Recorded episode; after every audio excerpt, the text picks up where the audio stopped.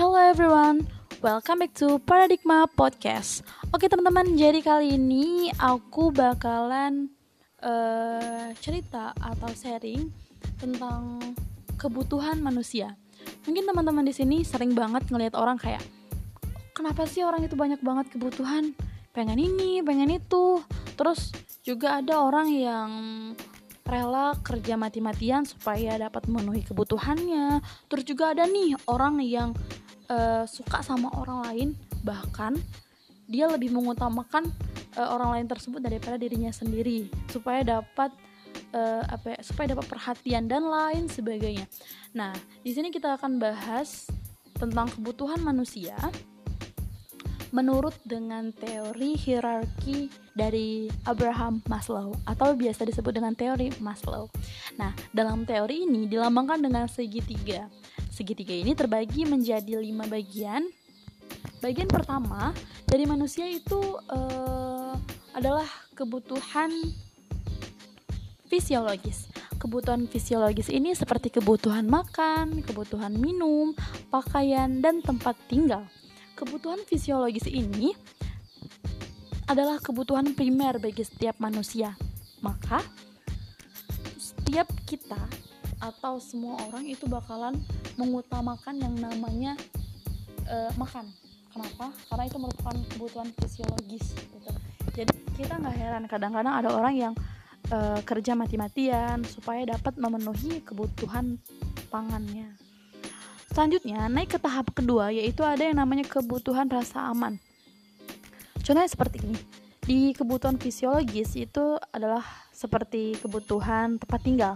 Setelah kita membangun tempat tinggal, kita naik ke tahap selanjutnya yaitu kebutuhan rasa aman. Bagaimana sih supaya tempat tinggal kita ini aman? Bagaimana sih supaya kita tuh uh, terhindar dari maling, terhindar dari perampokan dan lain-lain? Maka rumah tersebut akan kita pasang CCTV. Nah, itu yang mencontohkan bahwa manusia itu rata-rata pengen uh, hidup dalam rasa aman menjauhi kejahatan, menjauhi ancaman-ancaman buruk dan hal-hal yang dapat merugikan individu tersebut. Itu. Selanjutnya, yang ketiga itu ada kebutuhan sosial. Nah, ngomong-ngomong tentang kebutuhan sosial, menurut uh, Hierarki Maslow ini, kebutuhan sosial meliputi kebutuhan kasih sayang, rasa memiliki, bersosialisasi, penerimaan, dan persahabatan. So, manusia sejatinya makhluk sosial. Itu kita masuk ke dalam uh, tahap kebutuhan yang ketiga. Pengen, kita tuh uh, ada orang yang pengen banget yang namanya uh, disayangin gitu kan, pengen banget uh, punya teman-teman yang banyak. Itu merupakan kebutuhan sosialisasi. Terus juga pengen diterima oleh lingkungannya dan persahabatan. Jadi mungkin teman-teman di sini uh, ada orang yang tapi kebutuhan sosial itu berbeda-beda teman-teman. Mungkin ada orang lain yang kebutuhan sosialnya hanya pengen dikasih sayang tapi dia nggak terlalu butuh dengan bersosialisasi. Atau juga ada orang-orang yang uh, pengen banget demi mencapai kebutuhan sosialnya ia harus apa ya uh, kasih sayang dari orang lain itu harus benar-benar ditunjukkan seperti itu. Ada juga orang-orang yang biasa aja maksudnya dia hanya membutuhkan kasih sayang itu dari orang tuanya gitu kan. Mungkin dari teman-temannya dan lain-lain. Nah kebutuhan sosial itu merupakan kebutuhan ketiga dari teori hierarki kebutuhan dari Maslow. Selanjutnya yaitu ada kebutuhan penghargaan. Kebutuhan penghargaan merupakan kebutuhan yang menempati posisi keempat dari hierarki Maslow.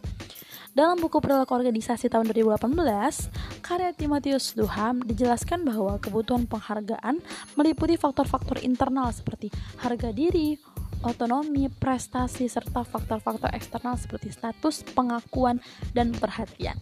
Nah, kebutuhan penghargaan ini mungkin tidak jauh berbeda dengan yang namanya kebutuhan sosial. Dalam contoh seperti ini. Orang-orang sekarang di sosial medianya senang banget uh, apa ya diperhatikan atau mendapat pengakuan dari teman-temannya. Nah dengan uh, dengan mendapat perhatian tersebut kemungkinan besar ia akan mendapatkan kebutuhan sosialnya. Dengan diperhatikan kemungkinan besar bahwa orang tersebut sayang.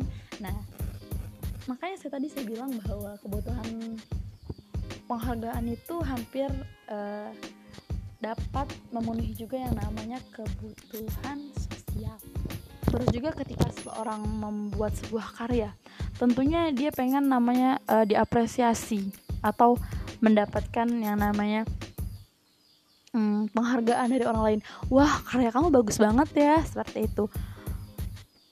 Tak jarang orang yang apa namanya ketika karyanya diejek atau dijatuhkan ia akan merasa trauma trauma atau tidak mau membuat karya lagi. Itu karena uh, kebutuhan akan penghargaannya itu langsung down langsung jatuh. So buat teman-teman semua sekarang uh, yuk sama-sama kita menghargai atau kalau bisa memberikan penghargaan sekecil apa pun dengan orang lain. Karena sesuatu yang kecil itu bisa berdampak besar bagi orang lain. Selanjutnya di teori ini kebutuhan yang terakhir yaitu ada kebutuhan aktualisasi diri.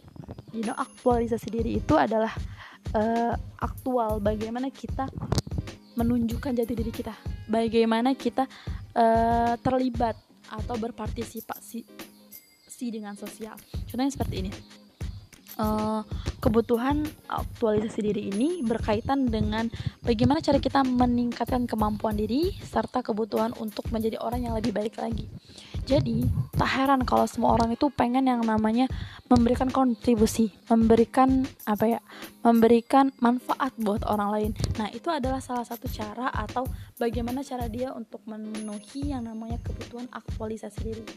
Misalnya dalam sebuah komunitas atau dalam sebuah organisasi. Uh, ketika menjalankan suatu program kerja, maka anggota organisasi akan berusaha bagaimana sih caranya berkontribusi gitu dalam proker tersebut? Bagaimana sih supaya dia ini tidak hanya numpang nama atau bisa memberikan manfaat untuk orang lain seperti itu. Itu yang dinamakan dengan aktualisasi diri. Oke mungkin kurang lebih itu. Kalau misalnya ada kebutuhan-kebutuhan lain itu nggak termasuk dalam teori ini ya teman-teman. Karena kita kali ini bakal membahas tentang teori hierarki Maslow. Oke mungkin cuma itu. Kurang lebihnya minta maaf.